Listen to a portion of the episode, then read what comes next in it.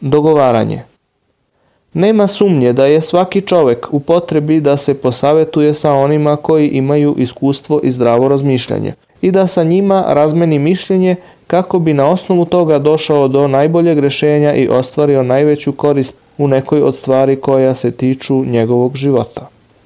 Izraz šura, dogovaranje, je spomenut u Kur'anu na dva mesta. Uzvišeni Bog na jednom mestu u Kur'anu naređuje poslaniku mir nad njim dogovaranje kazavši I sa njima se dogovaraj.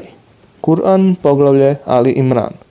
Na drugom mestu je pohvalio one koji se dogovaraju kazavši I oni koji se odazovu svome gospodaru, molitvu obavljaju, dogovaraju se i od onoga što im i mi kao obskrbu dajemo udeljuju. Kur'an poglavlje Ešura. Allah je njih pohvalio zbog toga što oni sami ne donose odluke, nego se međusobno savetuju i dogovaraju, te temu koja ih zanima proučavaju sa više aspekata, kako bi došli do istine po tom pitanju. Poslanik mir nad njim nije bio u potrebi da se sa bilo kim dogovara, jer je on bio usmeravan putem objave koja mu je dolazila sa nebesa, nego mu je Bog naredio da poduči svoj ummet, narod, dogovaranju, te njenoj vrednosti kako bi se za tim povodili narodi posle njega. Puno puta se poslanik savjetovao sa ashabima, sledbenicima i radio po mišljenju onoga sa kime se dogovarao. Zbog toga Ebu Hureyre kaže Nisam video da se iko više dogovarao sa svojim ashabima od poslanika, mir nad njim. Od stvari u kojima se poslanik savjetovao sa muslimanima jeste i način obhođenja sa onima koji su optužili Aishu da je počinila blud, a to je bilo pre nego što ju je Bog u Kur'anu proglasio nevinom. Ona je kazala, nakon što je spomenuto ono što je bilo vezano za mene, a ja nisam znala za to, poslanik mir nad njim je ustao kako bi održao govor.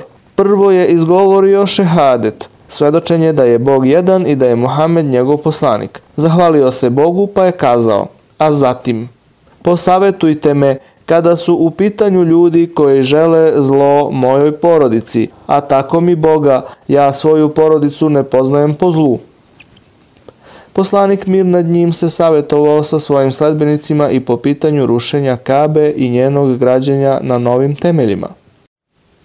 Nakon što su se mnogobošci okupili na bedru želeći rat sa poslanikom, on se okrenuo svojim ashabima i kazao Doista je ovo Meka, poslala vam je svoje glavešine.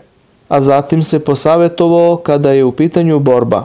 Ebu Bekr i Omer su lepo govorili, a nakon njih je ustao Mikdad ibn Amr i kazao O Boži poslaniče, uradi ono što ti je Bog naredio – mi smo uz tebe i tako mi Boga, mi ti nećemo kazati kao što su jevreji kazali Mojsiju, idi i ti i tvoj gospodar pa se borite, a mi ćemo ovde sedeti. Nego kažemo, idi ti i tvoj gospodar i borite se, a mi ćemo sa vama.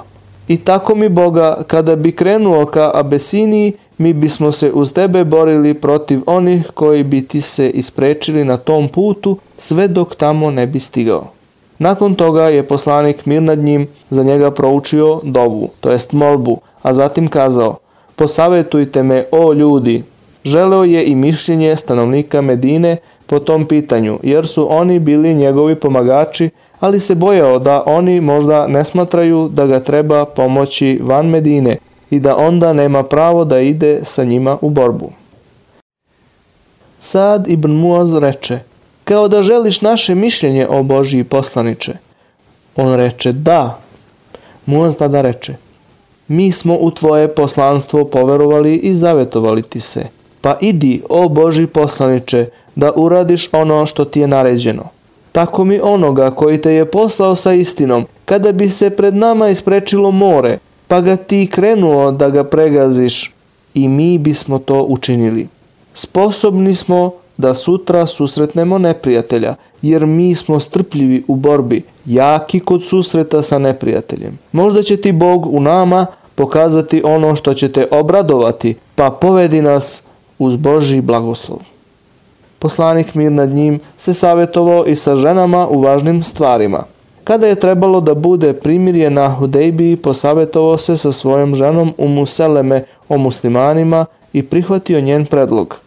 Ovo dokazuje da je savjetovanje i dogovaranje bio jedan od glavnih temelja na koji se oslanja poslanik mir nad njim u svom životu i u načinu donošenja odluka.